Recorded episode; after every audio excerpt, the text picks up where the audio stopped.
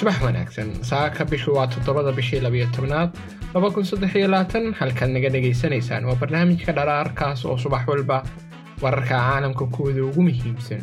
Iyagoo kooban aan idiigu soo gudbinno lixda subaxnimo ayaan ku baahinaa adeegyada bodkastiyada sida spotify iyo apple bodcast youtube-ka iyo facebookana waxaan ku baahinaa siddeedda subaxnimo. Soo dhowaada saaka waxaa idiin soo jeedinayaa aniga oo ismaaciil cali aasan ah madaxweynaha ruushka oo gelbinayaan afar diyaaradood oo kuwa dagaalka ah ayaa safar gaaban oo naadir ah oo uu ku qaatay hal maalin ku tegey bariga dhexe isagoo booqasho ku tegay dalalka sacuudiga iyo imaaraadka carabta. Putin ayaa arbacadii shalay tore ka degay magaalada abudabey ee xarunta dalka iskutagga imaaraadka carabta halkaasoo uu ka socdo shirka qaramada midoobay ee arrimaha cimilada waxaa loo gelbiyey xarunta madaxtooyada halkaas oo uu salaan sharaf kaga qaatay ciidamada iskutagga imaaraadka carabta. Sidoo kale diyaaradaha ciidamada cirka ee imaaraadka ayaa cirka ku sameeyey calanka ruushka. Madaxweynaha dalka khaliijka ee imaaraadka sheekh maxamed binu saayid al naxyaan ayaa putin ku tilmaamay saaxiibkiisa qaaliga ah. Waanu ku faraxsanay inaan mar kale la kulmo ayuu yidhi. Waxayna soo saareen bayaan ay ku sheegeen inay ka wada hadleen muhiimadda ay leedahay xoojinta wadahadallada iyo iskaashiga si loo xaqiijiyo xasilooni iyo horumar. Hogaamiyaha ruushka uu ka dhawaajiye dareenkaas.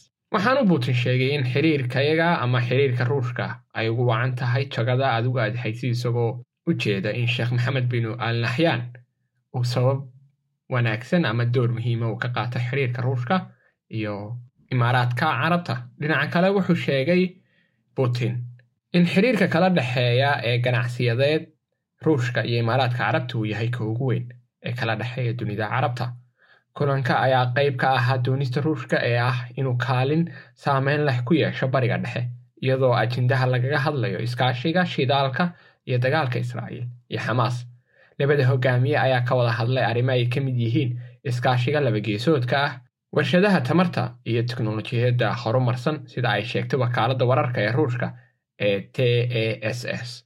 Putin ayaa kadib u duulay magaalada riyaad halkaas oo uu kula kulmay dhaxal sugaha sacuudiga maxamed binu salmaan. Kulankoodii ugu horeeyey ayay yeesheen ee foolka fool ah tan iyo labadii kun iyo sagaaliyo tobankii. Hadalla hordhaca oo laga sii daayey telefishinka ruushka ayaa putin ugu mahad celiyay amiirka dhaxal sugaha ah martiqaadka uu fidiyey isagoo sheegay in markii hore la filayey in dhaxal sugaha sacuudiga ee maxamed binu salmaan uu booqdo moscow laakiin uu isbeddel ku dhacay qorshayaasha labada dal. Kulankooda soo socda waa inuu ka dhaca moscow ayuu yidhi isagoo raaciyey ma jiraan wax kaa hor istaagi kara horumarinta xiriirka saaxiibtinimo ee labada dal. Sidaa waxaa yidhi putin kulankan putin uu la yeeshay dhaxal sugaha boqortooyada sacuudiga ayaa yimid kadib markii qiimaha saliidda uu hoosu dhacay inkastoo ay ballan qaaday obic plus ururka waddamada shidaalka dhoofiya obic iyo sidoo kale xulafada uu hogaamiyey ruushku si loo yareeyo wax soo saarka saliidda taas oo keeni doonta qiimaha saliiddu inay kor u kacdo. Si kastaba ahaatee ma cadda sababta uu putin uga soo baxay dalka ruushka isagoo naadir ay tahay.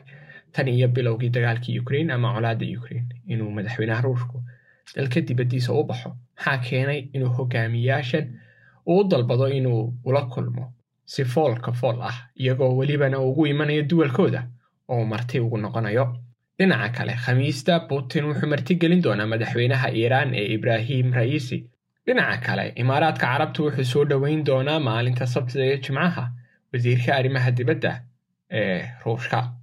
Safarka naadirka ee putin uu ku tegay gobolka ayaa ah kii ugu horeeyey tan iyo bishii julaay ee laba kun labayo markaas uu la kulmay hogaamiyaha sare ee aayatullaahi khumeyni ee iiraan hogaamiyaha ruushka ayaa safaro yar oo caalami ah ku baxay kadib markii maxkamadda caalamiga dembiyada ee i c c ay soo saartay amar lagu xidhayo bishii maarch iyadoo ku eedeysay inuu dembiye dagaal sameeyey madaxweynaha ruushku imaaraadka sacuudiga midkoodna ma saxiixin heshiiska aasaaska ee i c c kumana qasbana inay xidhaan haddii uu soo galo dhulalkooda. Dhinaca kale duqaymaha labada bilood ay israa'iil ka geysanaysa marinka kasa ee la go'doomiyey putin wuxuu dagaalka ku tilmaamay mid ay ku fashilantay diblomaasiyadda maraykanku waxaanu soo jeediyey inay moscow ay ciyaari karto isbeddel dhexdhexaadinta sababtoo ah xiriirka saaxiibtinimo ee kala dhexeeya labada dhinacba ee ah israa'iil iyo falastiin.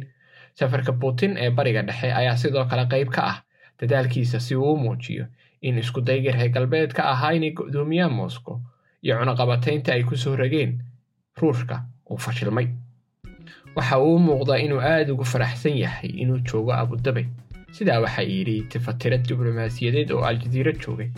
Ma cadda sida booqashadan looga arki doono washington maadaama imaaraadka uu sidoo kale xiriir dhow la leeyahay. Maraykanka maanta intaas ayuu inoogu eegyahay warbixinteennu dhammaantiin maalin qurux badan oo fiican ayaan idiin rajaynaynaa nabaday